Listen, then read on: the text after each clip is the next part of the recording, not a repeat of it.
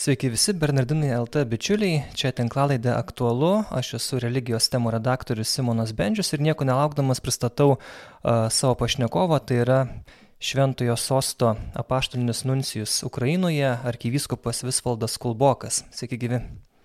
Sveiki, su Velykomis. Ir jūs, tie, kas galbūt yra matę arkiviskopo nuotraukų, tai žino, kad jis jau tampa panašus į Volodimirą Zelenskį dėl barzdos ir tą barzdą per Velykų pamaldas pagyrė graikų apiegų katalikų vadovas Ukrainoje Svetoslavas Ševšiukas, taigi e, ne juokai. E, pirmiausia, gal apie tos stiliaus pokyčius gal galit e, papasakot? Ne, čia nieko nebuvo suplanuota. Tai tiesa, ką sakė vyriausiasis arkiviskupas Svetoslavas Ševčiukas, kad pirmasis dvi savaitės mes leidome kartu nunciatūroje, ne tik leidome, buvome kartu. Ir e, tai buvo labai intensyvus laikotarpis ir skusti barzdą, neskusti čia visiškai buvo klausimas, kuris net neteina galo, nes e, visiškai kiti klausimai buvo galvoj. Paskui tiesiog taip ir liko iš, iš dalies. Tai, kas buvo spontaniška, paskui paliko. Ir visai patinka. Nieko, ne, niekas nebuvo sugalvota. Tai paskui žiūrėsiu. Mhm.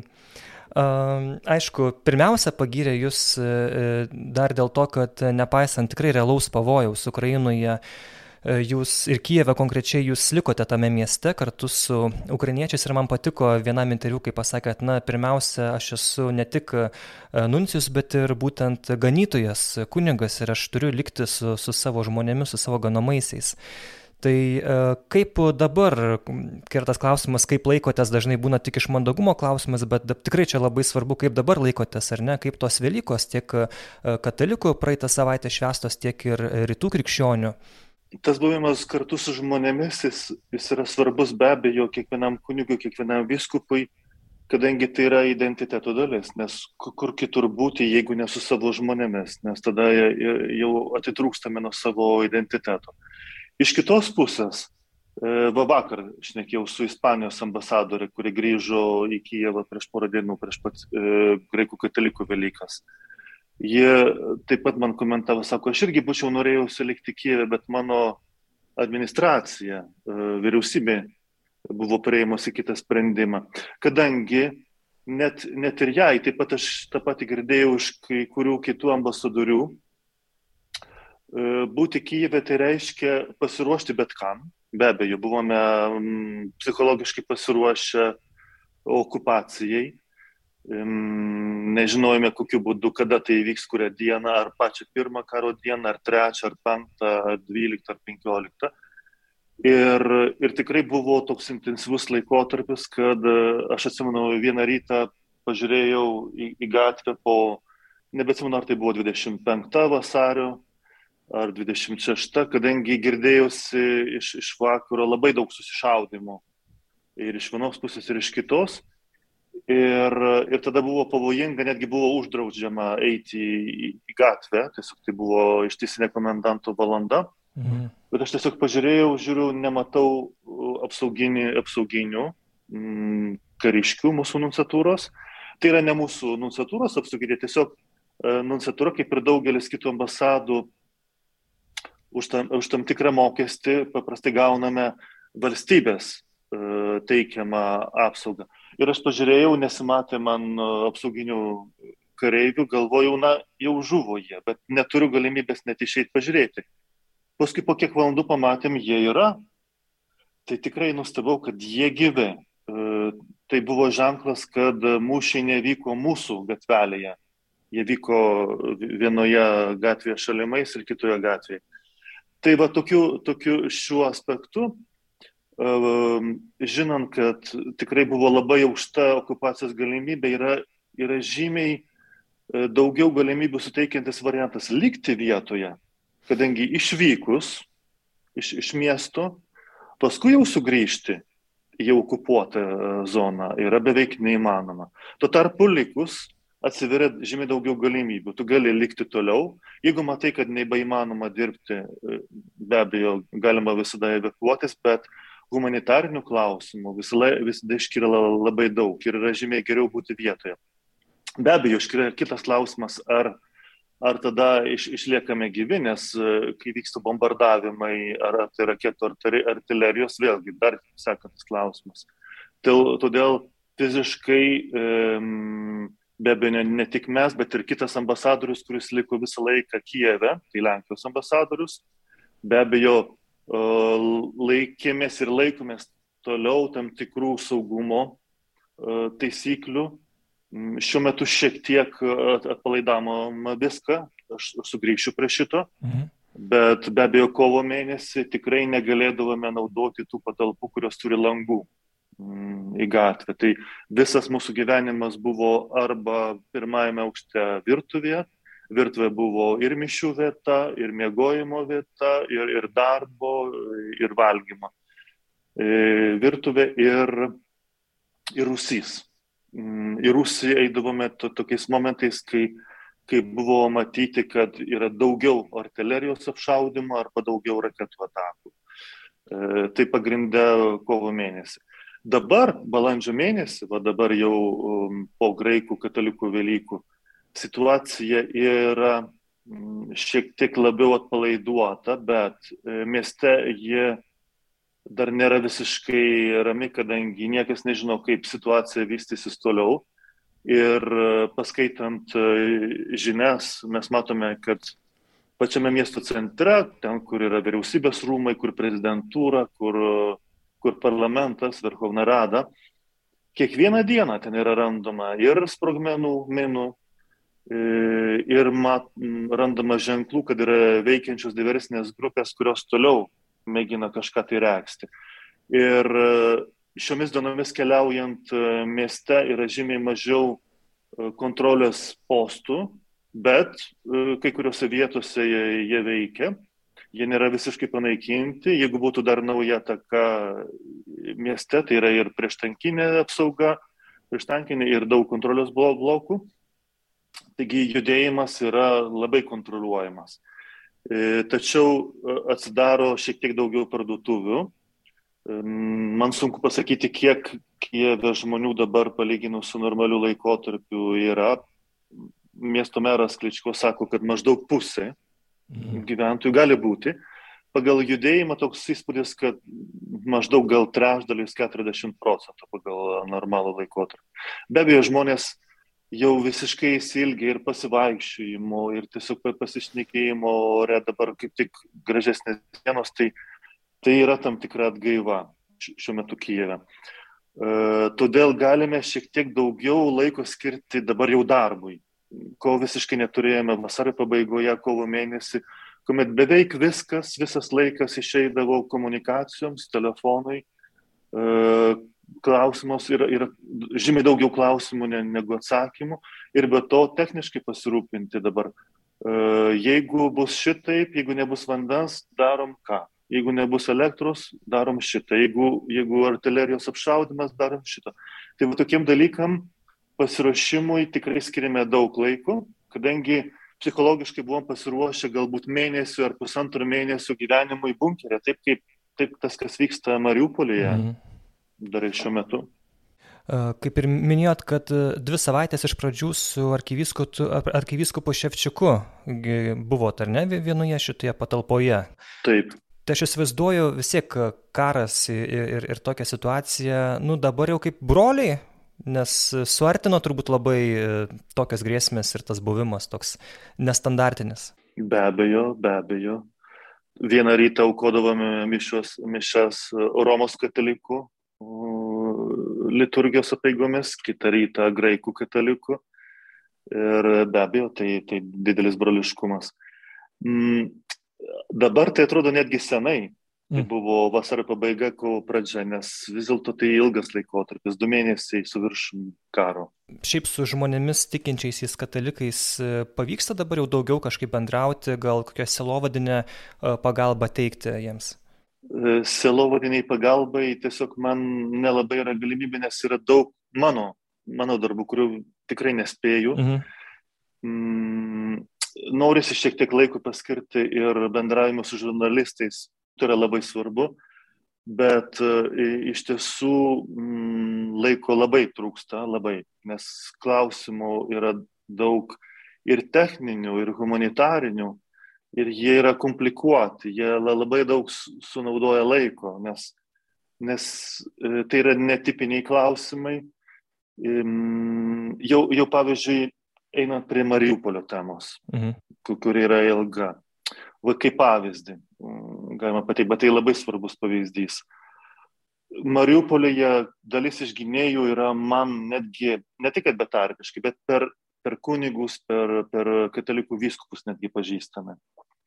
Galbūt pastebėjote, kad prieš keletą dienų prieš savaitę vienas iš um, majorų, iš, iš, iš karininkų, pavardė Volain, jis rašė netgi laišką uh, skirtą šventajam tėvui, padėkite mums mm. iš čia evakuotis. Tai, tai yra pravoslavas kariškis, bet mes šnekėjome su, su vienu mūsų graikų katalikų viskupu, kuris jį asmeniškai pažįsta. Kitas kariškis jį pažįstu per brolius pranciškonus, tai buvęs pranciškonas, buvęs, buvęs prieš dešimt metų. Bet vėliau, kai Donbase kilo karas, jis jau tuo metu apsisprendė nebebūti pranciškonų brolių, o išeiti ginti Ukrainą. Tai va yra tokių žmonių, tai, tai šiuo atveju tai yra katalikas. E, tai va tokius du atvejus labai gerai pažįstu. Ir, ir va, um, jau vien Mariupolio situacija, kuri labai komplikuota, jau jai mėginame skirti labai daug dėmesio, kiek pavyksta. E, kovo pabaigoje, jau prieš mėnesį, kūrėme planą, kuris buvo gan sudėtingas, kaip nuvykti, kaip padėti žmonėms, kadangi mes matėme, kad Ir Graikijos užsienio reikalų ministras buvo paskelbęs, kad jau jau vyksta į Mariupolį, jau mėgins evakuoti žmonės arba bent jau pagalbą nuvežti vandens, kažkiek tai valgių ir nieko.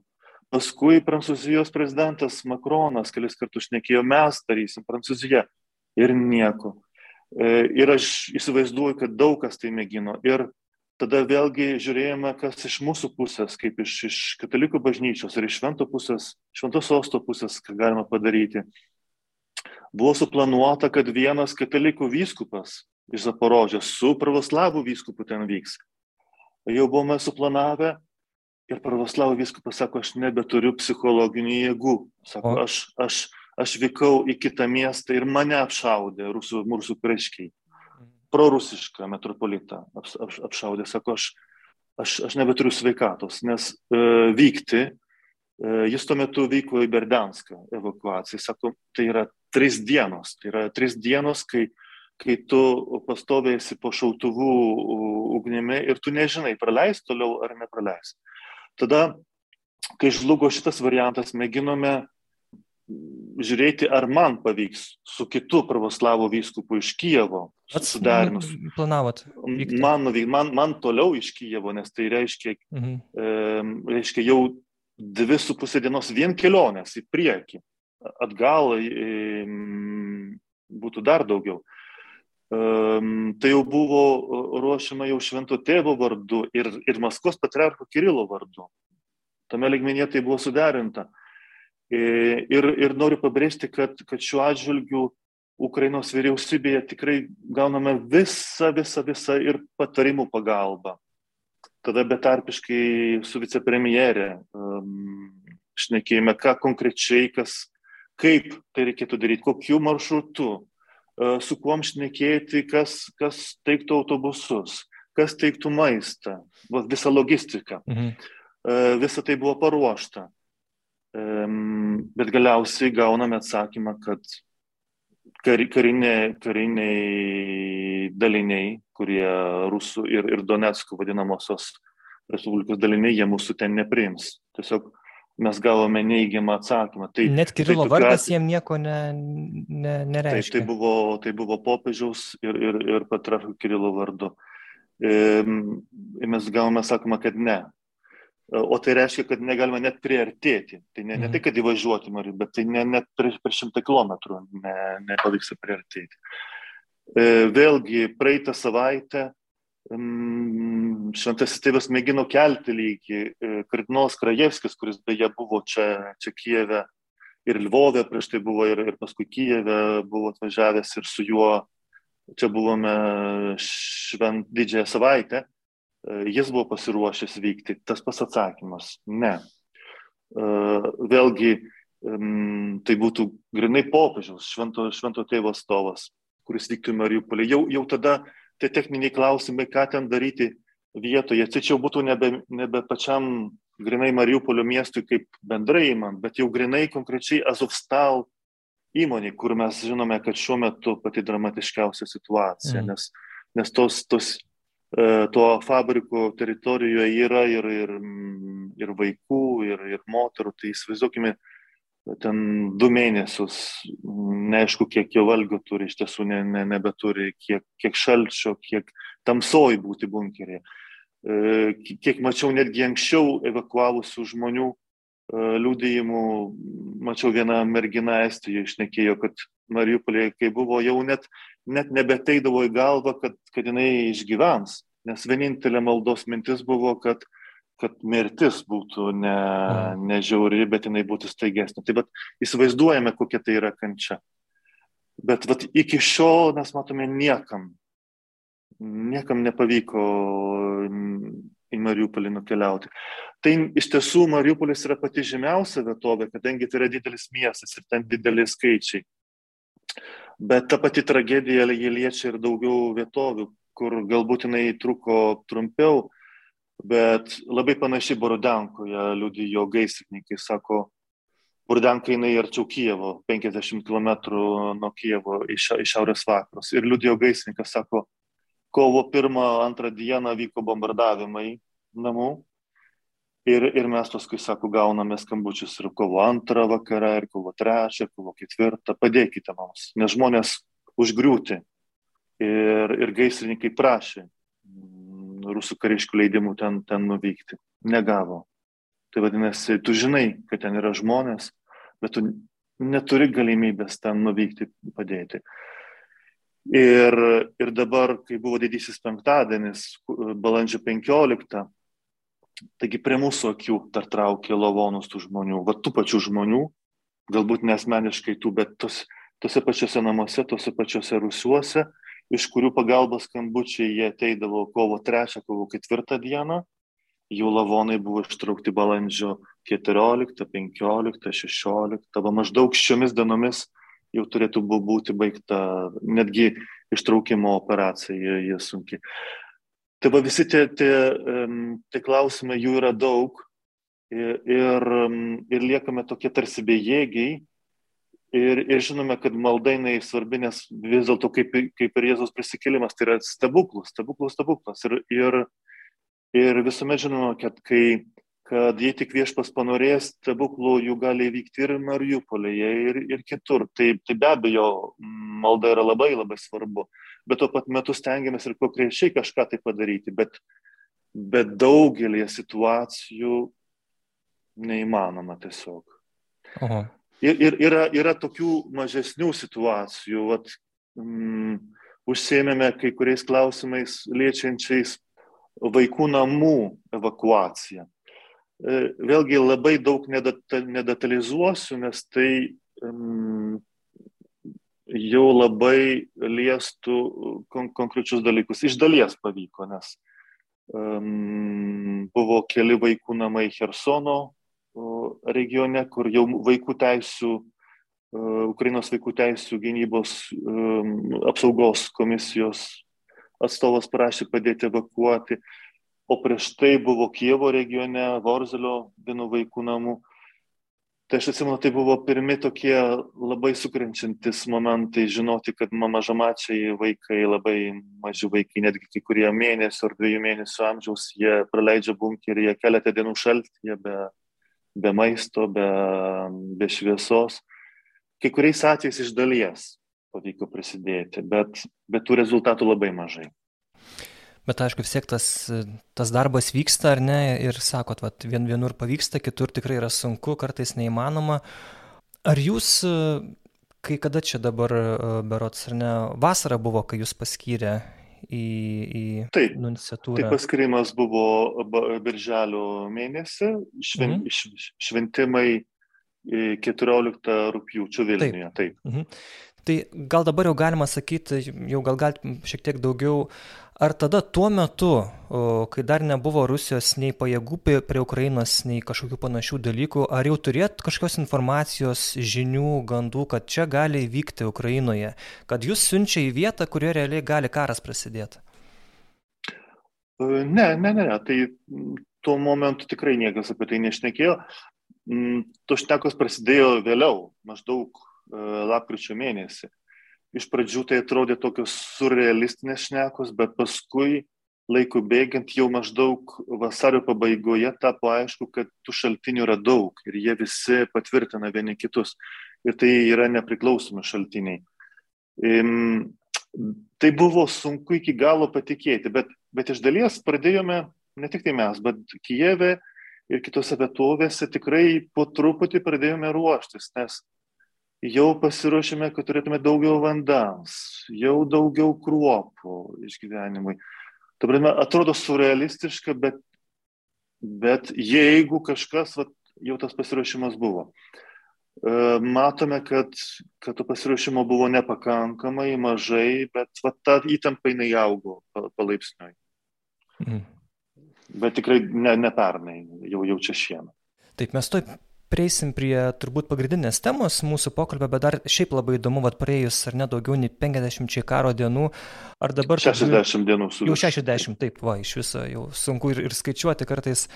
Um, ar jūs, na, pats savie matot, jaučiat, kad jūs kaip žmogų, kaip krikščionių, tos dienos kažkiek pakeitė, kažkokią naują davė supratimą apie, apie gyvenimą, apie tikėjimą ir, ir tokius dalykus. Taip, taip, taip, la, la, labai, labai gili patirtis. Ji, ji turi daug aspektų. Mm, turbūt būtų sunku išanalizuoti visus aspektus. E, vienas iš tokių aspektų, jis yra netgi psichologinis, galima sakyti. E, pavyzdžiui, kai vyksta karas, tada kartais tiesiog nėra, laiko mm, užsiminėti menknekiais tada tiesiog um, žinau, kad taigi ne, ne visiems aišku ta, tas pats, kas, kas mums čia aišku vietoje. Tada kalba jinai tampa tiesesnė, aštresnė, galima sakyti. Netgi kartais tiesiog reikia pasakyti. Kiksmaždė. Mm, ne, ne, ne tai, kad kiksmaždė. Tiesiog uh, palikit uh, ramybėje, nes tiesiog fiziškai nėra laiko ar nėra įmanoma reaguoti, tiesiog nerašykit, ne, ne, nešnekėkit, neskambinkit, nes, nes mhm. iš dalies tai irgi problema, kad um, tikrai bu, būna dienų, kai, kai, kai, stresimo momentai, tai yra vien skambučiai. Um, tai tiesiog jos reikia netgi griežtai atmetinėti. E, toks aspektas. Dvasinė prasme tai yra e, ir labai gilus išgyvenimas, vėlgi tai yra dvilypis. E, žiūrėkit, kai aš matau, kai skaitau netgi parašytus pavadinimus tų miestelių, kuriuos aš asmeniškai pažįstu, nes jie yra arti. Mhm. Būčia ir Penė, Vorzalis, Borodianka, aš kelis kartus jau sakiau.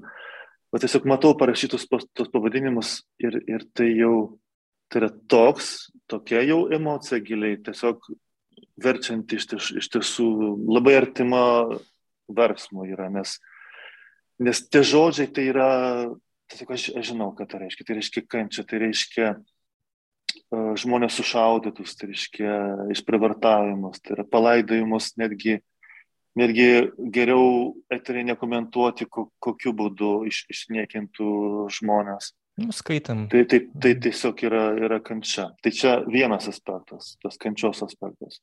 Kitas aspektas yra jisai šviesus, kadangi šita patirtis, jinai jinai vėlgi išryškina, kas yra svarbiausia. Ir aš žinau, kad, kad tai yra, taip, tai yra labai skausminga, labai dramatiška, bet tai yra dovana, kadangi m, mm, jinai tarsi leidžia paliesti savo rankomis gyvenimo trapumą iš vienos pusės, bet ir artumą su Dievu iš kitos pusės, kadangi va Velykos, dabar šventėme Velykas ir netgi aš E, labai džiaugiausi, kad turėjome keletą momentų. Prieš savaitę ją šventėme su Romos katalikais. E, be abejo, aš kaip, kaip e, tikintysis, kaip kunigas ir kaip viskas esu Romos katalikas, bet kai esu Ukrainoje, aš save identifikuoju ir su Romos katalikais, ir su graikais katalikais, nes tai ir čia, ir čia aš esu. Ir, ir štai didysis šeštadienis ir aš jautau, jutau savo širdyje ir taip pat mačiau veiduose katedroje, Kijeve, Švento Aleksandro katedroje, kad tai buvo um, Velyknakčio liturgija, jinai buvo labai panaši į didžiojo penktadienio liturgiją. Iš dalies Velykos, bet tuo pat metu skausmas, didelė drama. Bet po nakties jau kita liturgija prisikėlimo, jau šviesiau, jau mano širdie, nes Velyką švęsti reiškia pažvelgti į Jėzų, kuris, kuris irgi sako, kad mano gyvybė tai atimė, ta fizinė gyvybė Bet tame ne, ne, nepasibaigia atvirkščiai, aš, aš nugalėjau mirti. Va čia yra Velykų slėpinys, kad, kad mirtis, ta fizinė mirtis, jinai nepajėgi žmonių suž, sužlugdyti. Ir, ir paskui, va praeitą sekmadienį šventėme jau su graikais katalikais, dar šviesiau. Tiesiog įeiname į tą Velykų šviesą. Um, tai va sakyčiau, kad visa karo patirtis, jinai turi ir šitą labai svarbų aspektą - užčiuopti didelę šviesą, kuris slepiasi taip pat ir šitoje tragedijoje, šitoje dramoje. Tai va už tai sakyčiau, kad e, dvasinė prasme tai yra neįkainojami išgyvenimai ir dramos, dramatikos, dramatiškumo aspektų ir, ir taip pat šviesos aspektų. Arkivyskupai, jūs turbūt žinot, kad jūsų memoarų knyga, kuri anksčiau ir vėliau turbūt vis tiek bus, bus viena perkamiausia. Taip, memoarų aš, aš, aš suprantu ir, ir žinau, kad tai būtų. Tikrai negaliu jų rašyti dabar. Mm, kadangi, va, įsivaizduokit netgi tokį techninį dalyką, tokį. Kovo mėnesį mes buvome susiruošę, aš, aš galvojau, o jeigu, e, jeigu artilerijos vediniai jau pataiko čia, į mūsų kvartalą, to nebuvo. E, artimiausi artilerijos apsišaudimai jie vyko už 7-8 km nes uh, iš, iš tiesų um, artilerija ji neįėjo į patį miestą. Mhm. Um, bet tada, aha, kokius archyvus reikia pasiimti? Neįmanoma visų pasi, pasiimti. Reiškia, tada reikia susitaikyti su mintimi, kad tos ambasados, kurios evakuavusi prieš laiką, taip galėjo išvežti. O čia tada tu nežinai, kiek laiko tu turėsi viską pasimti. Tai jau vien dėl tokio saugumo sumetimų, e, aš žinau, kad ne tik tai šių mėnesių, šių savaičių išgyvenimų, bet taip pat ir tam tikrų momentų iš praėjusių metų aš negaliu jų laikyti raštu. Jeigu ateis momentas, jeigu viešpas to, to norės ateityje kažkada, bet tikrai ne, ne šiemet, ne už 10 metų, net ne už 20 galbūt, tikrai yra labai, labai tokių e, žiaurių momentų, Mm, labai kai kurių tokių neįtikėtinių, surrealistinių, bet jau jų yra nemažai. Mhm. Tai ačiū Jums, kad dalyjatės ir, ir, ir tuo tikėjimo liudijimu, kuris tikrai yra svarbus tokiom aplinkybėm. Ir dabar užduosiu tos klausimus, kuriuos mes ir Bernardinuose aptarinėjame ir, ir kurie kyla turbūt tiek ir neturbūt, o tikrai ir patiem ukrainiečiam, ir mums čia Lietuvoje ir kitur. Ir na, nesupraskite, turbūt jūs, aišku, viską puikiai suprantat, bet galbūt labiau mūsų klausytojams ir skaitytojams, kad na, kad čia nėra tai, kad čia, žinot, čia sproginėjo ką tik bombos, tai dabar mes čia bandom prisigambinėti prie nuncijaus, kad kodėl va čia Vatikanas to ar to nedarė. Tiesiog yra klausimai, kurie, na, suprantama, karo metu, kai e, viskas viduje paaštrėja ir, ir tiesiog tu nori gal labiau daugiau to tokio atviro žodžio, to teisingumo jausmas e, labiau iškyla, tai tiesiog e, tokiom aplinkybėm e, susilaukė šventasis sostas, e, popiežius konkrečiai e, kritikos iš, iš pačių katalikų dėl jo na, laikysenos šito karo metu. Tai aišku, tikrai verta pasakyti, kad apskritai popiežius apie karą labai daug kalba e, per pastarąsias 60 dienų apie Ukrainą ir kviečia nuolat melsis už Ukrainą. Ir ypač vėliava iš bučios, kai, kai ją iškėlė Vatikane audiencijos metu popiežius ir ta vėliava buvo taip pat anksčiau dar naudota Maidano revoliucijos metu ir kai tą vėliavą popiežius pabučiavo, čia irgi buvo labai svarbus simbolinis ženklas ir Ir na, tikrai niekas negali priekaištauti, kad Vatikanas tyli apie karą Ukrainoje. Tačiau priekaištas yra ir toks nerimas dalį žmonių tas, kad popiežius niekada neįvardijo konkrečiai, kad štai Rusija yra agresorius, kad Putinas yra atsakingas ir kad, na, melskime ne tik už taiką, bet ir už Ukrainos pergalę šitame kare.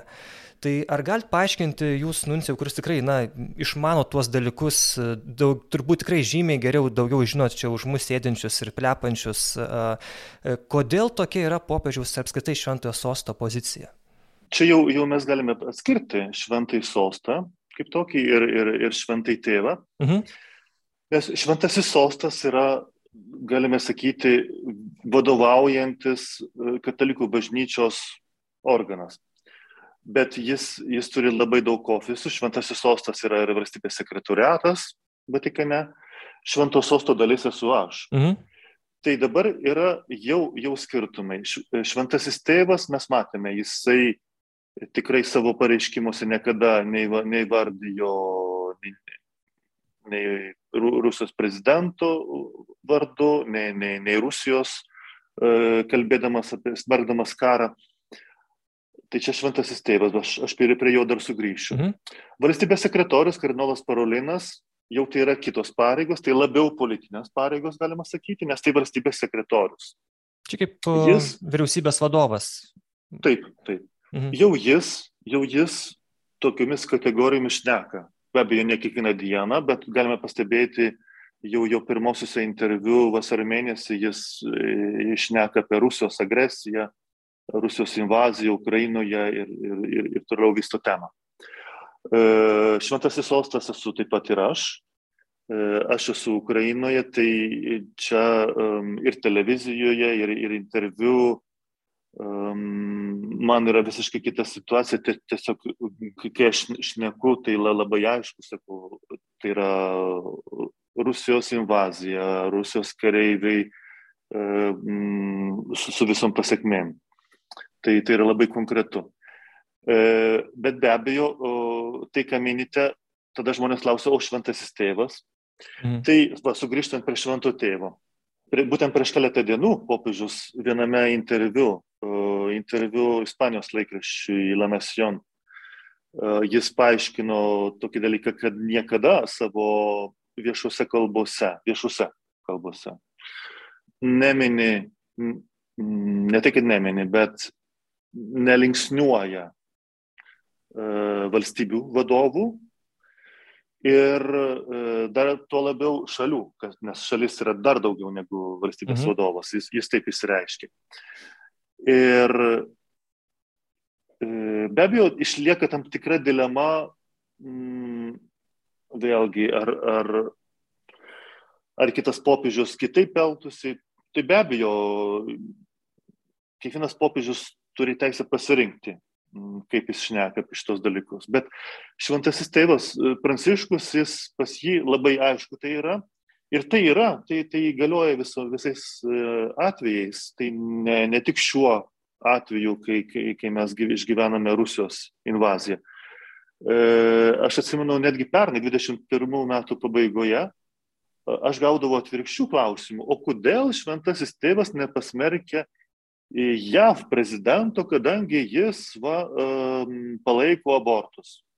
Tad tas pats dalykas. Tada man tuo atveju reikėjo aiškinti, teko labai daug aiškinti, ta, ta prasme, tam, tame tarpe ir ukrainiečiams, kad šventasis tėvas įsismerkė nuodėmę, bet ir, ir jeigu jas smerkia, tai asmeniškame pokalbėje, taip kaip daro ir kunigai išpažintėse su žmonėmis, mhm. tiesiogiai, bet ne viešai, kadangi viešai, pradedant apie tai šnekėti, e, moralinis dalykas, jisai gauna ir politinį aspektą, kadangi popiežiui tai yra moralinis dalykas, sakysim, pasmerkti kažką. Ir tai būtų, taip, tai, tai jeigu žmogus nesitaiso, tai galbūt turėtų tikrai racijos apie tai ir, ir viešai išnekėti. Tačiau e, kiti politikai tai paimtų kaip politinį argumentą. Aha, popiežius yra su mumis prieš. Ta, jau, jau reiškia, poli, e, moralinė tema, jinai išauga į, į politinę temą. E, tai va čia karo atveju dilema jinai išlieka Mm, šitą. Be abejo, visą laiką išlieka klausimas, ar nepereiti į politiką, ar popiežiui nepereiti į politiką. Bet jeigu popiežius pradėtų minėti vardus ir šalis, tai beveik automatiškai eina į politiką, kadangi tada, nors tai yra labai skaudus dalykas, tai yra okupacija, tai yra invazija, tai yra agresija, tiek daug tiek daug aš turiu liudijimų. Aš kartais įsivaizduoju, ką man reikėtų daryti, jeigu aš esu vietoje vaiko. Mm. Ne, ne tik tai mergaičių, berniukų, kurie yra privartaujami prieš mirtį ir panašiai. Nu, nėra žodžių, bet, bet net, net kai yra tokie skaudus momentai, šventajam tėvui, jeigu jis pradėtų šnekėti taip jau labai labai konkrečiai, E, jau įvardyjant žmonės, žmonės ir šalis, tada mm, kiti politinės jėgos jis naudoja, aha, popiežius yra su mumis prieš šitą. Tada vat, tai, tai, kas yra moralinis pokalbis, karo smerkimas, e, žudimo smerkimas, agresijos smerkimas, jis pereina į politinę temą.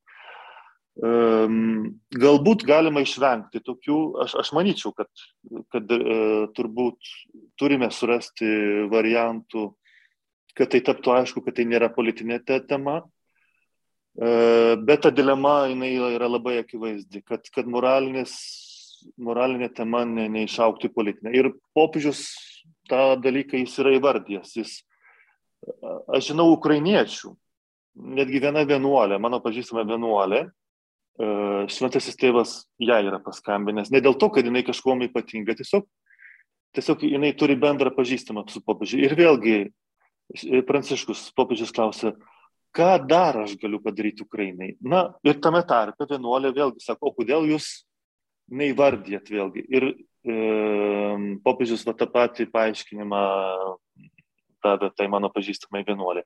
Tai va, tas klausimas jis išlieka, bet mes turime tokį gan aišku paaiškinimą iš, iš šventojo tėvo. Mhm.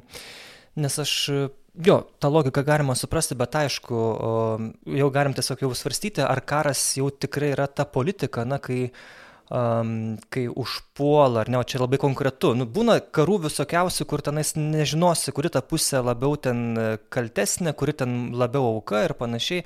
Čia viskas aišku kaip diena. Yra Taip, čia labai, čia labai ir, aišku. Ir čia gal jau net nelabai politika, tai čia tiesiog yra, nu, vat, ta labiau moralės dalykas tikrai. Tu turi apginti silpnesnį ir įvardinti, kad štai šitas muša, ana ir darykim kažką, nu, bet ką, kad kad tą užpoliką nu, būtų galima sučiupti ir, ir jį patupdyti ten, kur, kur jam ir vieta. Taip, aš su jumis sutinku, um, taip, bet iš, išlieka tam tikra dilema vis dėlto. Tai nėra taip jau toks labai lengvas klausimas. Ir, ir žinant popiežių pranciškų, be abejo, vėlgi, tai nėra žmogus, kuris ne, negalėtų keisti mhm. ir, ir savo pozicijų, nes, nes vėlgi mes kuo, kuo labiau žiūrime, kuo labiau liečiame visus, visus dalykus, kuo daugiau ir, ir tragedijos informacija, tas mąstymas įsirtuliuojasi. Tai be abejo ir ta kritika, kuri, kuri yra, tai vėlgi mm, dvasinė prasme bažnyčioje, netgi, netgi aš džiaugiuosi, kad katalikų bažnyčioje, tai ne, ne tik tai katalikų bažnyčioje, bet kad esame prie, prie gan modernaus, galima sakyti, laikotarpio, kada galime tai vertinti ne, kaž, ne kaip kažkokį niekinimą, bet visi dalyvaujame. Aš, aš pažįstu daug žmonių, kurie labai, kurie sako, aš už popiežių galvą padėčiau, bet šiuo atveju tiesiog man norėtųsi šito ir šito. Mhm. Reiškia, tai yra, kartais mes vadiname tai konstruktyvę kritiką. E, galbūt tas žodis per daug techniškas, konstruktyvi kritika. Tai yra širdies įsakymas, pasidalinimas. E, tai kartais tiesiog mąstome kartu.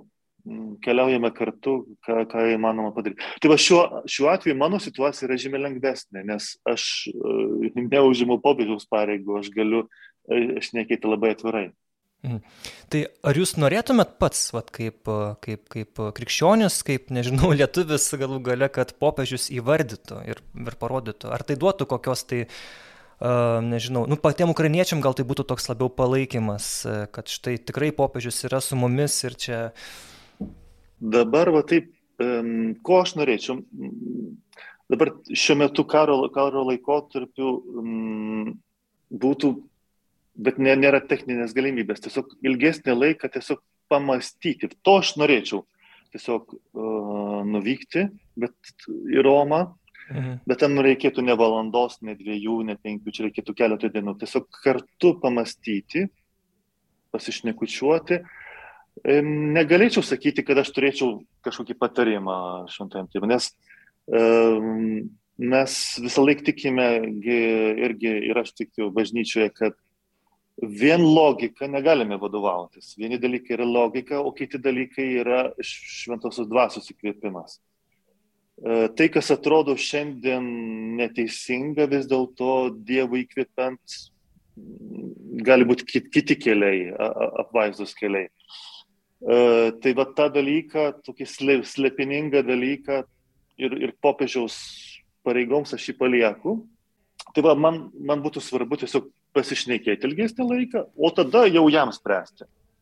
Tai va, mano mhm. atsakymas toks. Bet jau žinot, ką jūs jam sakytumėt, ką patartumėt? Ar, ar ką perduotumėt galbūt nuo ukrainiečių? Ne, tai aš, būdamas Ukrainoje, aš um, identifikuojasi su, su, su, su ukrainiečiaisgi. E, tai taip, aš žinau, ką, ką sakyčiau, bet tai, tai labai ilgas pokalbis. Mm. Aišku, vėlgi, su kuo aš identifikuojuosi, mano patirtis vėlgi jos yra ribotos, jos yra Kievo ir, ir Kievo prieigų patirtis. Bet e, prieš keletą dienų man sakė vienas pažįstamas, sako, sako, vėl yra skirtinga patirtis, sako, viena patirtis yra girdėti sprogmenis už kilometro ar už pusės kilometro. Dar kita patirtis, sako, sako, vat, E, nuvykau į Lvovą. Jis pats gyvena Kyivė, bet jis prieš, prieš savaitę buvo Lvovė. Sako, nuvykstu traukiniu Lvovą, išeinu iš traukinio ir, sako, pakeliu akis į viršų, nes girdžiu švilpimą. Jis sako, matau raketą skrenda, raketa į, į traukinių stoties prieigas. Mhm. Sakau, tai yra dar kitas išgyvenimas, kai tu ant virš savo galvos keliasdešimt metrų vir virš savęs matai skrendančią raketą. Tai jau netgi Ukrainoje būnant išgyvenimai yra skirtingi. Kas, kas išgyveno ant savo kailio sušaudimą, bombardavimą, privartavimą. Tie, kas Mariupolėje, ar Bučioje, ar Borodenkoje. Tie, kas esam Kijeve o tai ir tie, kas yra Lvove. Tai vėlgi skirtingi išgyvenimai. Tai e, šiuo atžvilgiu tai vienas iš, iš svarbių dalykų yra daugiau praleisti laiko ir persisemti, persisemti dramatų tų žmonių, kur, kur. Nes, nes kaip perėmė akis žmonių, kurie išgyvena tą dramą, tada, va tada um, svarstai, o ką toje situacijoje reikia sakyti, ką tai toje situacijoje galima daryti. Labai panašiai kaip e, su kryžiaus keliu, ar ne, didįjį penktadienį. Mhm. Ta pati didįjį penktadienį, kai šventasis tėvas ėjo kryžiaus kelią kolizėjoje, mes su kardinolu Krajevskiu buvom pasiruošę. Buvom pasiruošę tekstą mūsų kryžiaus keliui Borodenkoje, Bučioje, Vorzelėje ir Irpenėje. Tiesiog galvojame, aha, keletas stočių mes pamedituosime ten. ten. Žinokit, neįmanoma ateini prie, prie tų tragedijos vietų, stovi ir, ir, ir verkė ir, ir tiek. Tik skausmas, tik tyla. Tai vad, kaip skiriasi išgyvenimai, kai tu esi dra, dramos vietoje ir, ir galbūt kur esi už tūkstančių kilometrų. Ir, ir tas, tas tai man yra labai pikta, nes um, kaip aš žiūriu Rusijoje, Ispanijoje, Italijoje, kai žurnalistai paklausinėja žmonių apie karą. Tai žmonės, kai kartais yra toli nuo karo, tarytum jie šnekėtų apie futbolo varžybas, vat kažkas čia teniso, kažkas tai.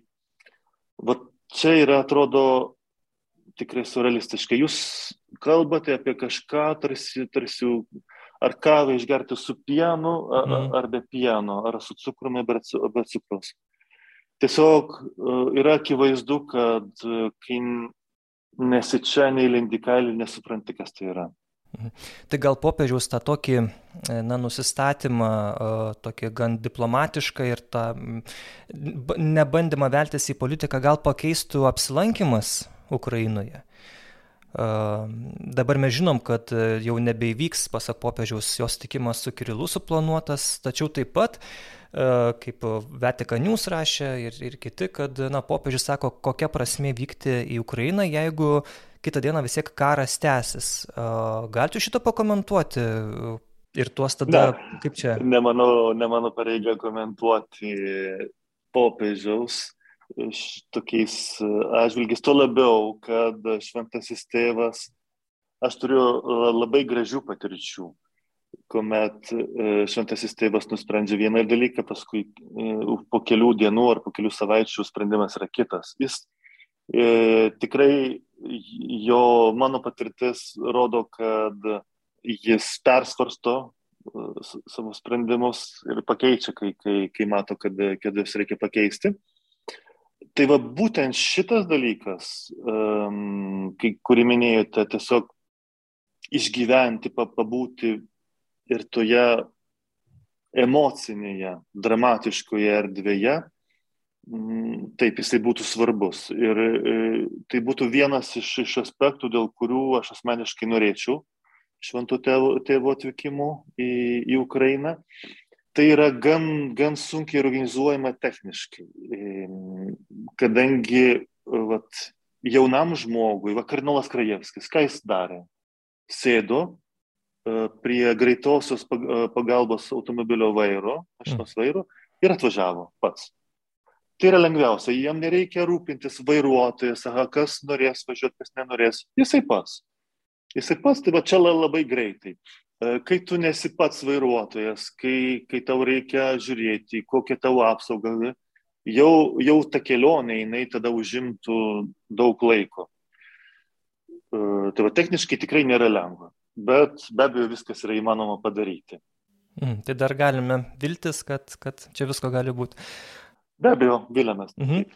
Gerai, dar šiek tiek tą popiežiaus temą tęsiant, tai kalbinau Ukrainos katalikiškojo universiteto profesorių Jurijų Pidlysnijų ir vėl jis komentuodamas tą tokią na, poziciją neįvardinti agresoriaus sako, bet kas beliktų iš Evangelijos, jeigu išimtumėm ir neįvardintumėm Erodo, Judo, ten vyriausio kunigo Kajafo ir kitų blogiečių. Ir žodžiu, kad, na, kad krikščionis jis turi kalbėti atvirai, kas, kas yra blogis, kas tą blogį daro ir tiesiog melstį už nusidėlių atsivertimą.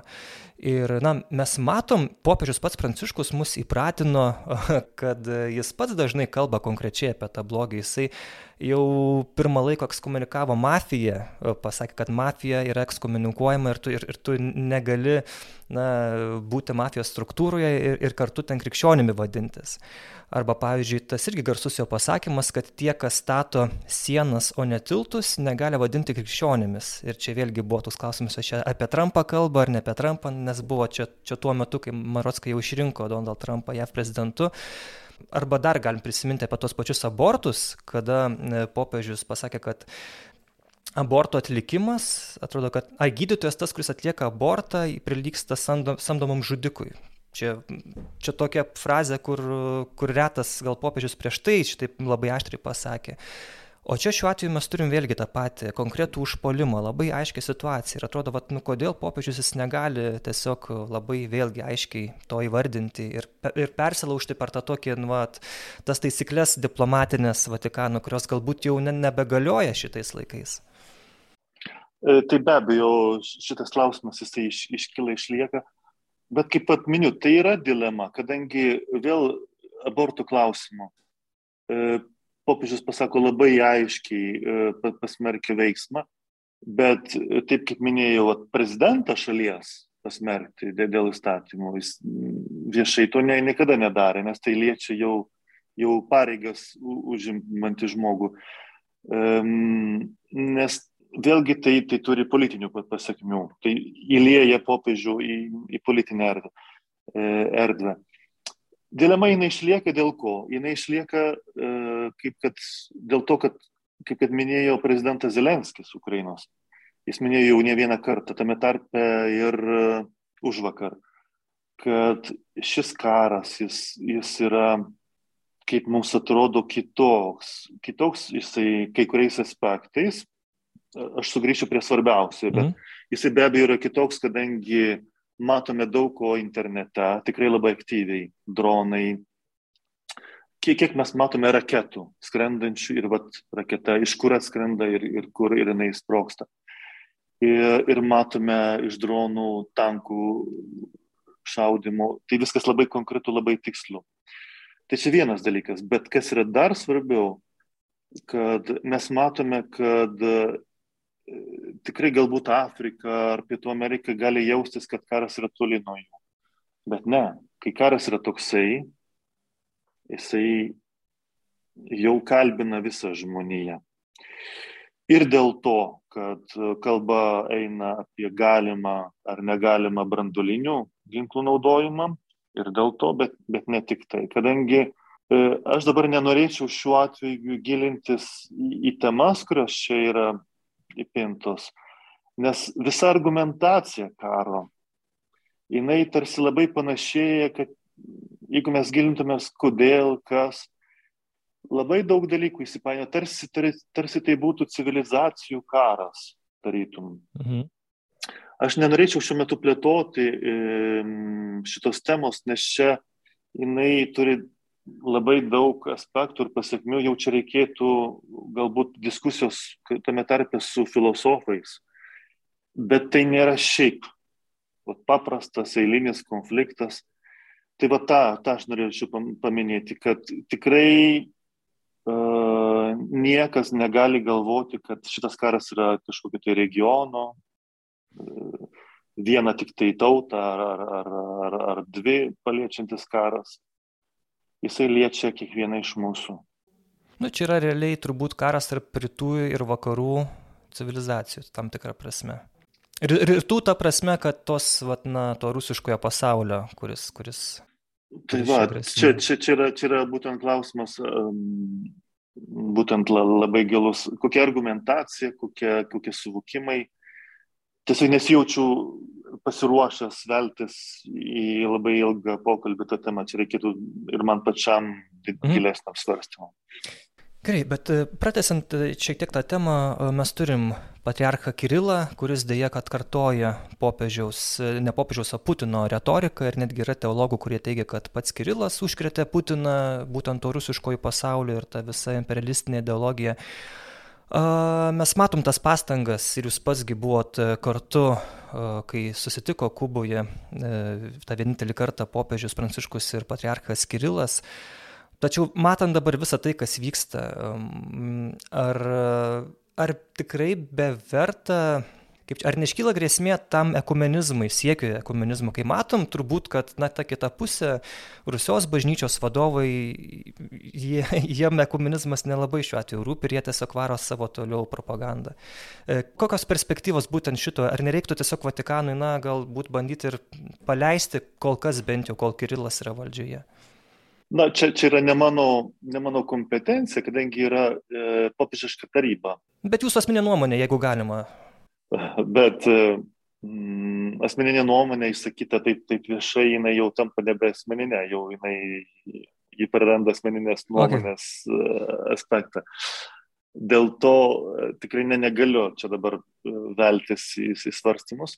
Mhm. Tiesiog noriu pabrėžti, kad aš turiu um, pažįstamų viskupų, uh, pravoslavų viskupų, tos pačios Maskvos patriarchato bažnyčios, uh, E, su kuriais pašneku, kur, su, kurie labai Ukrainoje, kurie labai aiškiai, labai nedviprasmiškai pasmerkė ir karą, ir visus žmonės, kurie, kurie nesmerkė šito karo. Ir e, mano supratimas yra labai panašus į jų. Tai va, tiesiog noriu pabrėžti tą dalyką, kad nenorėčiau tapatinti ant tam tik atskirų žmonių, atskirų hierarchų su, su visa bažnyčia. Taip, be abejo. Mhm. Jūs aiškinote nunciatūros, Ukrainos nunciatūros interneto puslapyje, ką turėjo menyje e, Vatikano valstybės sekretorius Pietro Parolinas, sakydamas, jog viename interviu kad na, kiekviena valstybė turi teisę apsiginti pagal katekizmą, e, tačiau nerima kelia kardinolui Parolinui tai, kad štai e, dalis valstybių siunčia ginkluotę. E, Ukrainai ir kad tai gali eskaluotis į dar didesnį konfliktą. Ir vėl paskui kardinolas pabrėžia, tačiau kiekviena valstybė turi mm, teisę gintis. Ir šitas jo pasisakymas nuaidėjo plačiai e, ir katalikai, ir nekatalikai svarstė, kaip čia dabar yra. Netgi, netgi dabar šventojo sosto atstovas sako, kad štai yra blogai tiekti ginklus Ukrainoje, kad negi mes čia turim nusileisti Rusijai dėl to, kad čia mūsų neužbombarduoto atominiais ginklais ir panašiai.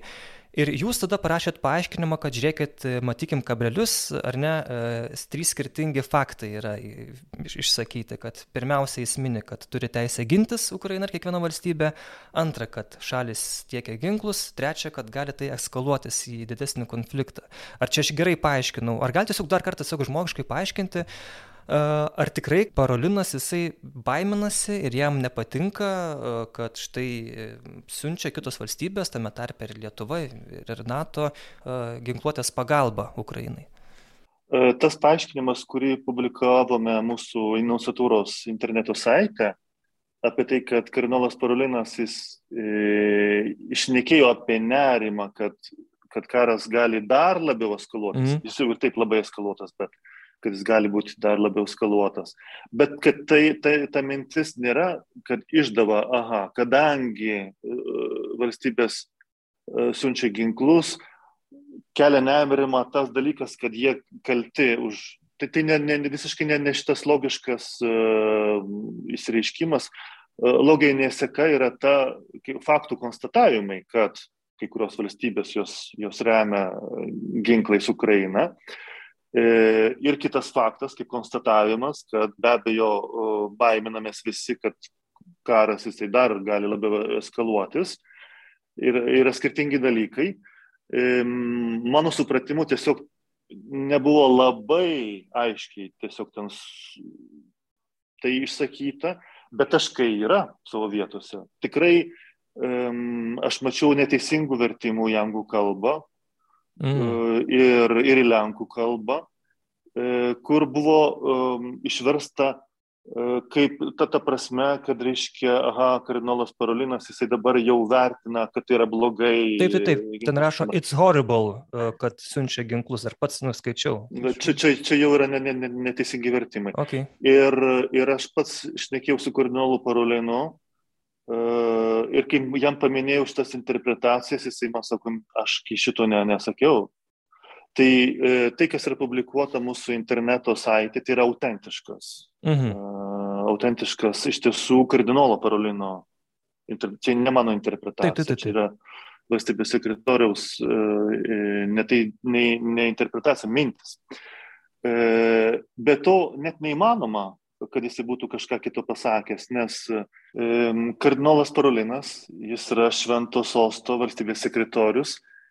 E, taip, tai yra iš dalies diplomatinė ir, ir politinė pareigybė, bet tai yra bažnyčios pareigybė.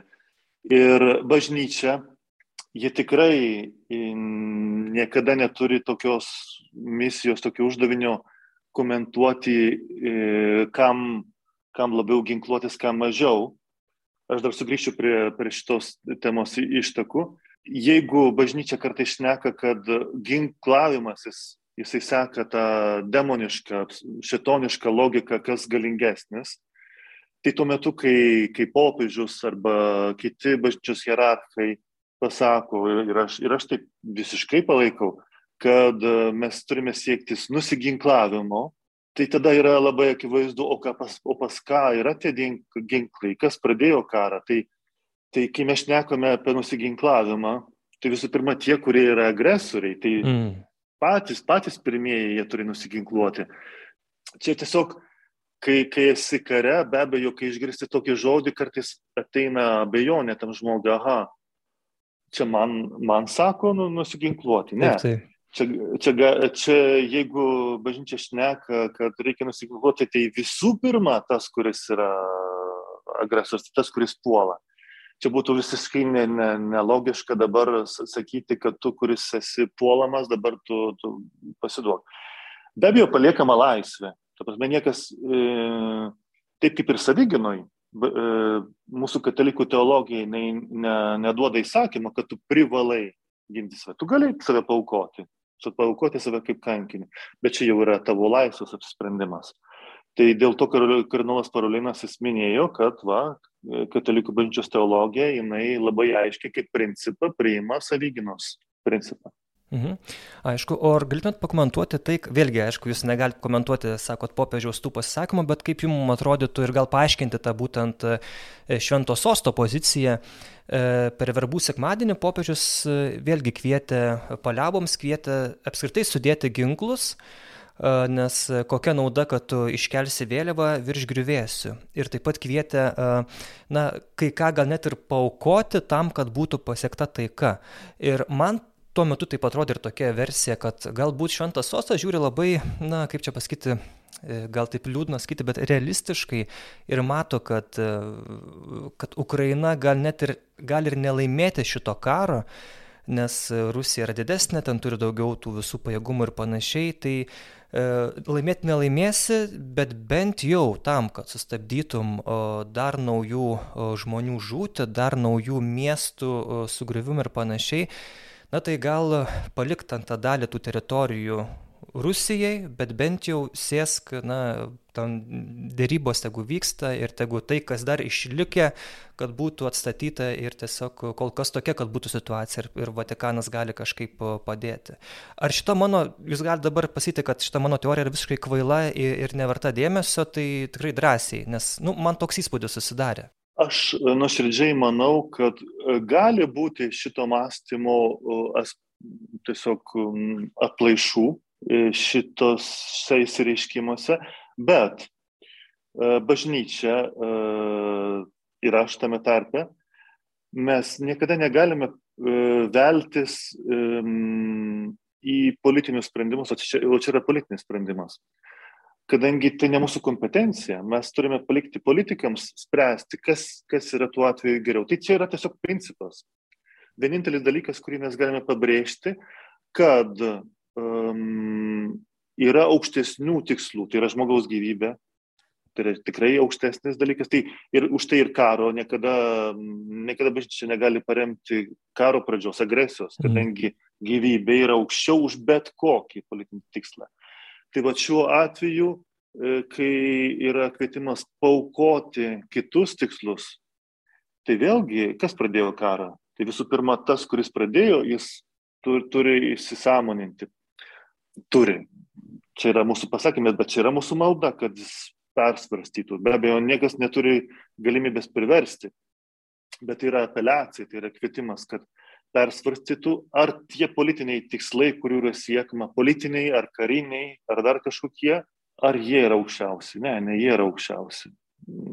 Gyvybė tikrai turi stovėti pirmoji vietoje. Tai čia, tai čia už tai e, man tiesiog labai keista, kodėl jau ne tik tai tikinti žmonės, kodėl mes kaip pasaulis nesame dar pajėgių sustabdyti karų, nes man kaip žmogui tiesiog yra aišku, kad karą, šiais laikais pradėti karą, ar, ar tai yra pateisinama. Tai, tai šitą prasme man netgi noriu įsitikėti, kad e, bus pasiektų kažkokių tai kitų formatų, ne tik tai jungtinių tautų, bet, bet bendrai e, visas pasaulis tiesiog turi visų pirma susivienyti psichologinę prasme, e, bendražmogišką prasme, kad karo neturime leisti niekada. Tai vad, sugrįžtant prie to kvietimo E, siekti Velykų laikotarpio ugnies nutraukimo ir kad tai taptų pilna taika, išaukti pilna taika, kad politinius siekius viršytų gyvybė ir, ir kiti, kiti dalykai. E, aš tai interpretuoju va tokiu būdu, kad e, visų pirma tai yra apeliacija į tą, kuris pradėjo karą, tai yra, tai yra Rusijos vadovybė. Mhm. Ar, ar tie jūsų tikslai tikrai yra aukščiausi, prieš juos yra dar aukščiau žmogaus gyvybė. Mhm. E, aišku, mes na, matom, kad popiežius nebučiuoja Rusijos vėliavos, nebučiuoja Z raidės ir kad tie visi jo gestai, jie visi yra susijęs su Ukraina. Tai galbūt jūs gal kaip šventos sos atstovas ar galite, nežinau, patikinti tikrai e, pasimetusius e, katalikus ir ne tik, kad kai yra e, kalbama va tokiamis temomis, kad e, pirmiausia, tai yra kreipiamasi nors netiesiogiai, bet į tą, kuris tą karą sukėlė į, į agresorių, kad mes jau na, turėtumėm skliausteliuose tą omeny. Taip, aš, aš šiuo atveju esu tik, tik tai nuncijus Ukrainoje, nors apaštalinis, bet ne, neturi tos kompetencijos būti e, švento tėvo spaudos atstovu. Mm, tai negaliu savo. Bet jūs jį pažįstate, jūs su juo bendraujat. E, tiesiog man, man kaip, ir kaip žmogui, ir kaip kunigui, ir kaip viskupui, tai man tai yra akivaizdu, nes kito varianto nėra. Kai popiežius apeliuoja, jis apeliuoja prieš, prieš karą. Jis, ir, ir kai karą pradeda šiuo atveju, karą pradėjo Rusija. Kažkada kitur, Afganistane, Irake, Libijoje, Sirijoje buvo kiti veikėjai. Vėlgi popiežius pasisakė prieš karą. Tai, tai čia m, mm, tiesiog pas popiežių ir Pranciškų, ir pas kitus popiežius, bent jau šių laikų, nėra politikos. Karas yra akivaizdu, taškas. Karas yra blogybė ir be abejo, karą pradėjo ne tas, kuris yra puolamas, karą pradėjo tas, kuris puola, šiuo atveju Rusija. Tai čia net nėra abejonių. Man abejonių nekyla, tai va aš tik tiek ir galiu komentuoti. O šiaip dabar dažnai suskambinat su popiežiumi? Asmeniškai ne, aš uh, esu uh, tiesiog perdavęs, perleidęs skambutį, būtent pirmomis karo dienomis uh, perleidęs skambutį grinai uh, vyriausiam arkivyskupui Svetoslavui Ševčiukui. Mm. Nes tai yra vis dėlto bažnyčios galva, jis yra aukščiau negu aš. Taip. Tai yra bažnyčios, tai yra graikų katalikų bažnyčios galva. Aš esu, taip, aš esu daug, bet aš esu tik tai popiežiaus atstovas Ukrainoje. Mhm. Tai priminkim, kad tiem, kas nežino, jo, kad graiko apiegų katalikai tai tie patys katalikai, bet jie tiesiog turi tą ortodoksišką labiau liturgiją, gyvena e, liturgiškai pagal Julijaus kalendorių, bet realiai tai yra e, ta visa turbūt ir teologija, ir pavaldumas popiežiui, tas pats, kas ir pas Romos katalikus. Ar... Taip, taip, ir tai yra, ir tai yra bažnyčios grožis. Man, man buvimas Ukrainoje tai yra nuostabus jau, jau šita prasme, kad kad galiu jausti ir, ir rytietišką katalikų bažnyčią, rytų, būtent graikų katalikų, ir, mhm. ir tuo pat metu pačiam man būti kilusiam iš, iš vakarų katalikų tradicijos. Tai man tai yra turtas jau toks neįkainojamas. Mhm. Gerai, dar nenoriu jūsų paleisti, dar tokie keli klausimai, e, kuriuos, kurie buvo aptariami kryžiaus kelias kolizijoje. E, sprendimas, kad 13 stotyje neštų kryžių ukrainietė ir rusė, kurios e, jos net važiavo iš Rusijos Ukrainos, jos gyveno 20 metų jau Italijoje ir Ukrainos katalikiškos televizijos netgi atsisakė dėl to transliuoti kryžiaus kelio ir, ir visi tą žinom, Svetoslavas Ševčiukas, Ukrainos graiko apiegų kataliko bažnyčios vadovas, kartu su ambasadorium prie šventojo sosto Ukrainos išsakė tokį susirūpinimą ir kiek, jeigu neklystu, ir Ir, ir, jum, ir jūs kreipėsi taip pat žmonės ir jūs ten liktai prašė, kad jūs perdotumėt irgi tą susirūpinimą iš ukrainiečių pusės šventai, konkrečiai popiežiai. Kaip jums atrodo ta situacija su ta ukrainietė ir staruse? Mes matom paskui, kad uh, toks kompromisinis, kaip ir sprendimas buvo priimtas, nebuvo uh, tuo metu, kai nešė jos kryžių, nebuvo jokių tų kalbų, teksto, buvo didžiulė tokia ilga tyla. Tai uh, kaip jums ta situacija atrodo? Vėlgi, e, ne, ne mano kompetencija ir, yra interpretuoti popiežiaus sprendimą. Taip, aš perdaviau susirūpinimą ir e, ypač tai, ką jau minėjau, kad e, esant čia Ukrainoje, m, ypatingai aplankant kenčios vietas, tų kenčios vietų yra, yra daug. Tai yra ir, ir į vakarus nuo Kijevo, ir į rytus, visas Zaporožės regionas dabar Charkovo regionas, Černigovo regionas, Mariupolio regionas. Ir va tokioje kančioje šiuo, šiuo metu tikrai tai, kas buvo tyla paskui pasirinkta, man, man tai Tai atrodė labai labai tinkamas sprendimas, tiesiog patilėti. Toliau tas aspektas, kad kryžių neši mm, ukrainietė ir rusė. Čia vien, pagrindinė problema tai vertinti iš, iš politinės pusės, kad čia vat, atstovai šalies ir tos ir tos. Um, bet kai tai išlaikoma vien maldos lygmenyje, mesgi puikiai su, suvokime, kad uh, ir už Rusiją labai daug reikia maldos, nes mes nenorime, kad Rusija tęstų agresiją, agresijos. Nestapatinam dabar, kad visi rusai tame už tai yra atsakingi. Tai vėlgi yra skirtumas tarp, tarp valdžios, rusų, paskui dar labiau rusų, kurie yra seniai emigravę mm. į užsienį. Čia dar kitas aspektas.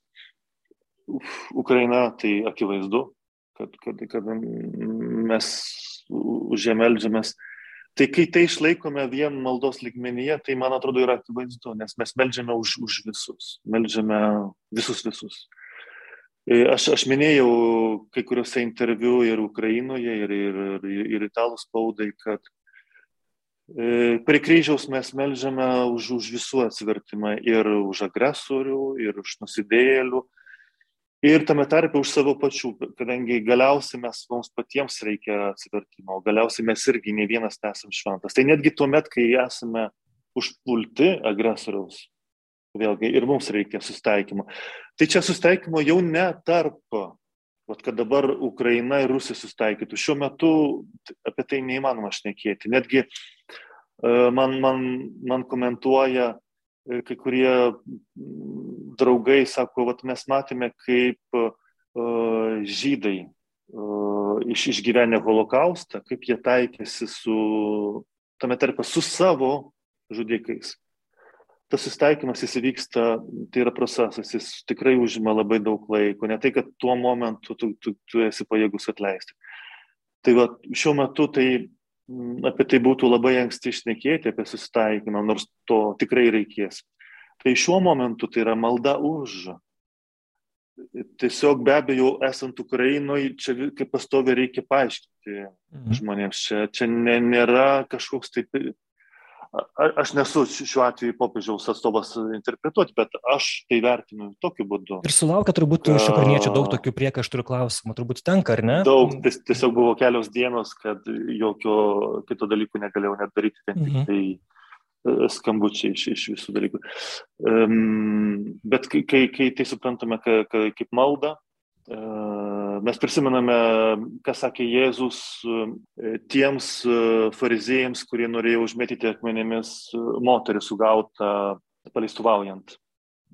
Jėzus atsakymas, na, kieno, kas be nuodėmės, mes galite mesti akmenį pirmas. Tai vad prieš Jėzų mes visi esame reikalingi atleidimo. Tai čia susteikimas labiau su, su Dievu, kiekvieno iš mūsų, negu, negu tarpusavė. O, o didžiausia tragedija, kas, kas dabar šiuo metu šitame visame regione iš, išgyvena tragediją, šitas regionas, Rusija šiuo atveju yra už, užpolikė, Ukraina užpultoji. Karų jų vyksta daug ir kitur. E, tiesiog apie juos yra mažiau kalbama, jau Afrikoje kiek daug karų mhm. ir, ir tame pačiame Afganistane, Irake.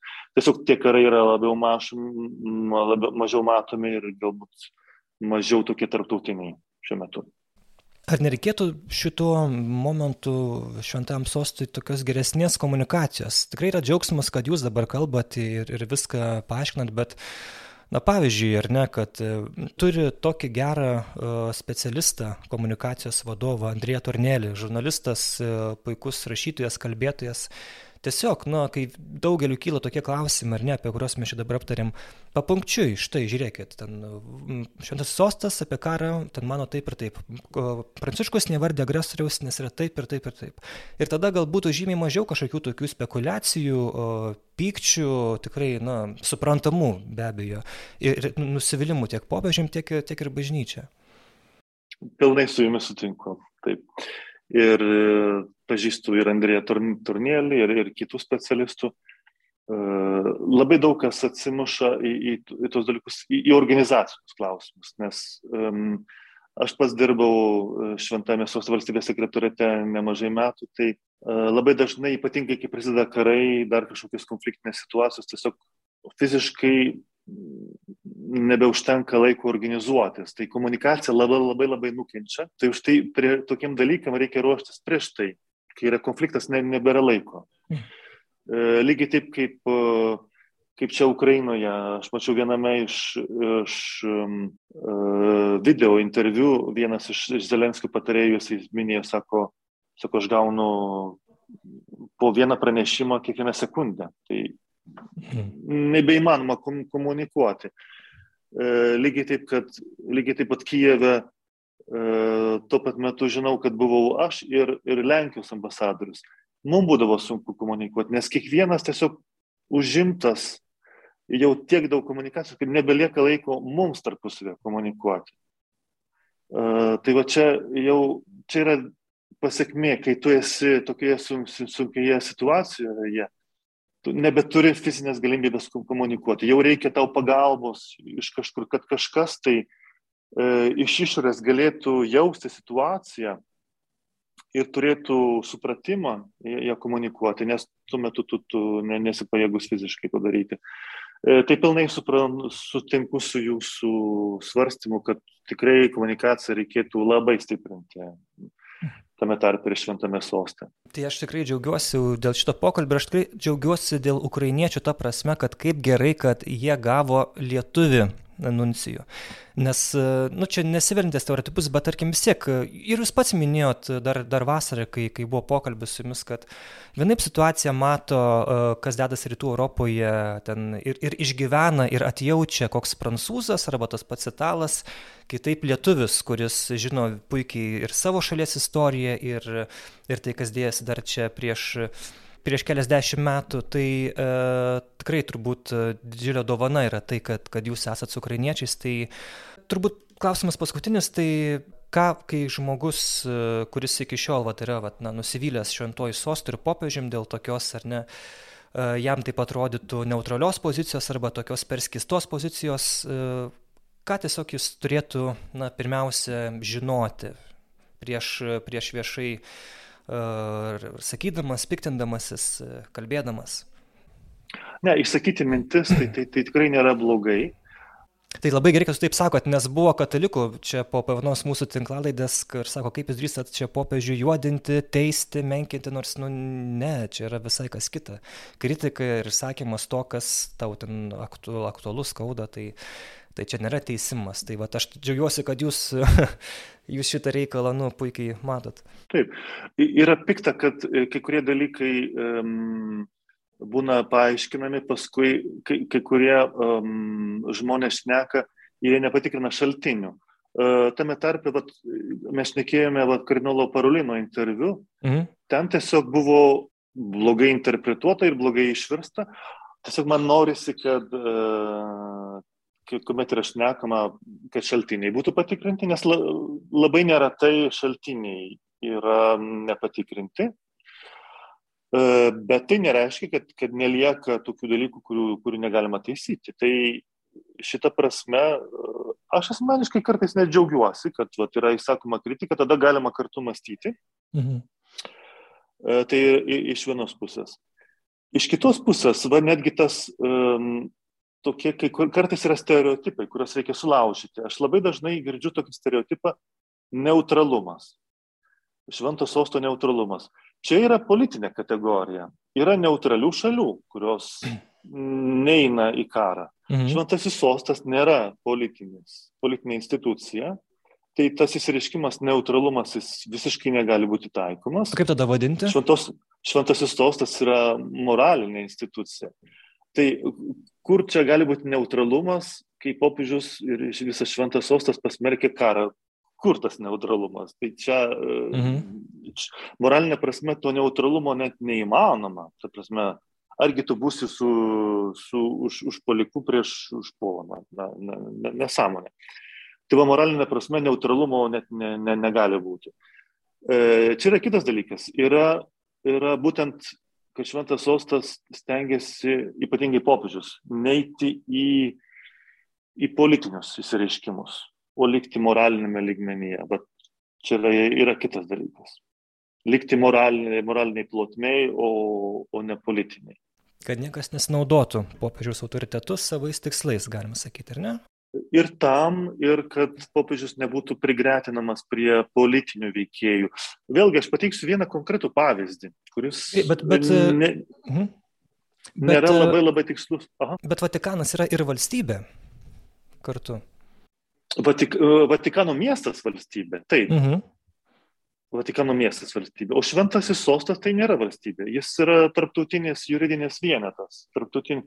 E, tai šventas sostas jis tikrai, aš nesu valstybės atstovas. Aš esu švento sosto, kaip kaip e, tarptautinėje teisėje pripažinto juridinio vieneto. Supratau, tai tarptautinėje erdvėje veikia ne Vatikanas, bet Šventasis sostas. Vatikanas tik tai yra ta būtent vieta, kurie Švento sosto organizacija, na, ta visa, e, tiesiog jį veikia ir, ir gyvena ir dirba, tačiau pats Vatikanas neturi galios ir tokio, ir tokio vardo, ar ne, tarptautinėje erdvėje ir, ir neieškom.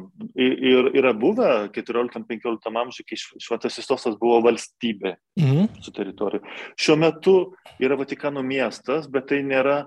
Taip, kartais mes, aš atstovauju tame tarpe ir Vatikano miesto valstybę. Taip, tame tarpe aš galiu atstovauti valstybę. Bet kai aš atstovauju Šventą Sostą ir popiežių, aš atstovauju ne valstybę.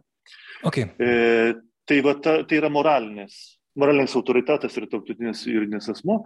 E, tai yra viena iš priežasčių, kodėl jungtinėse tautose, generalinės asamblėjos posėdžiuose Šventasis sostas nenori e, dalyvauti kaip narys balsavimuose. E, Šventasis sostas begalėja būti stebėtojų, kadangi vėlgi tame tarpe ten būna balsavimai ir karas prieš karą, bet vėlgi balsuoti šventajam sostui e, būtų labai lengva tada įrašyti, aha, Kas už Rusiją? Aha, 125 valstybės. Kas prieš Rusiją? 25. Šventasis sostas patektų į politinę kategoriją. Tai, vat, tai yra vėlgi ta, ta, ta pati logika, dėl ko jungtinėse tautose šventas sostas bevalėja būti stebėtojų. Ir užbaigai paminėsiu vieną konkretų pavyzdį, kurį man sakė e, Bučioje. Bučioje e, vienas kariškis, ukrainietis, sako, Sako, vat aš savo rankomis atkasiau keletą žuvusių bučiuje, tose masinė bendrose kapavietėse. Sakau, viena iš mergaičių, kurią ištraukiau, sakau, kūnas kaip mano dukros, 13 metas kaip dukros mm, sudėjimo. Jis sako, tikrai nėra žodžių, aš toliau jų ne, nepertiksiu. Sako, bet kai aš žiūriu į tokius dalykus, aš sako, suprantu, kodėl karo kapelionai, kunigai, katalikai, pravoslavai, protestantai. Protestantų irgi yra nemažai Ukrainoje. Kodėl jie karo zonoje nebūna ilgą laiką? Kodėl laikas nuo laiko jie grįžta į savo parapijas, pabūna, atsigauna ir vėl atsiksta, sako, sako, nes jiems reikia išlikti kunigais, kad jie nepradėtų ir patys eiti karą, imti rankas ginklą. Sako, nes kunigam, ir va čia žodžiai karininko, kuris savo rankomis iškasinėjo tame tarp išprivartautų mergaičių kūnus, būčia, sako. O, o man norisi matyti kunigų, kurie melžiasi ir už ukrainiečius, ir už rusus. Čia, čia, čia yra žmogus, kuris visiškai neteisina m, tikrai nei, nei Rusijos, nei Rusų, bet, bet jis, kai šneka apie kunigus, sako, man norisi, kad kunigai išliktų kunigais ir toliau melstusi ir už mus, ir už juos. Va čia va čia aš manau vėlgi toks gražus pavyzdys žmogaus, kuris savo rankomis liečia, liečia karo žaizdas. Mhm, čia aukštas lygis tikrai. Kągi, tai labai Jums ačiū už pokalbį. Tai buvo Šventojo sosto apaštalinis nuncijus Ukrainoje Visvaldas Kulbokas. Dėkui. Ačiū Jums, Simonai. Tai uh, aš viliuosi, kad ir Jums, mėly klausytojai, uh, šis pokalbis tikrai padėjo paaiškinti dalykus ir tiesiog tikrai džiaugiuosi dėl tokių ir nuoširdžių atsakymų jūsų. Aš buvau Simonas Bendžius, religijos temų redaktorius, kviečiu remti tiek Ukrainą ir jeigu galite ir norite, taip pat ir Bernardinai LT interneto svetainę. Jūsų parama tikrai yra labai svarbi, turim Contribui platformą, taigi tikrai visą informaciją jūs galite rasti bernardinai.lt ir ten yra toks skirsnis paremk ir ten rasite viską, instrukcijas, kaip tą padaryti. Taigi kągi, ačiū dar kartą, kad buvot kartu, pergalės Ukrainai ir iki kitų kartų.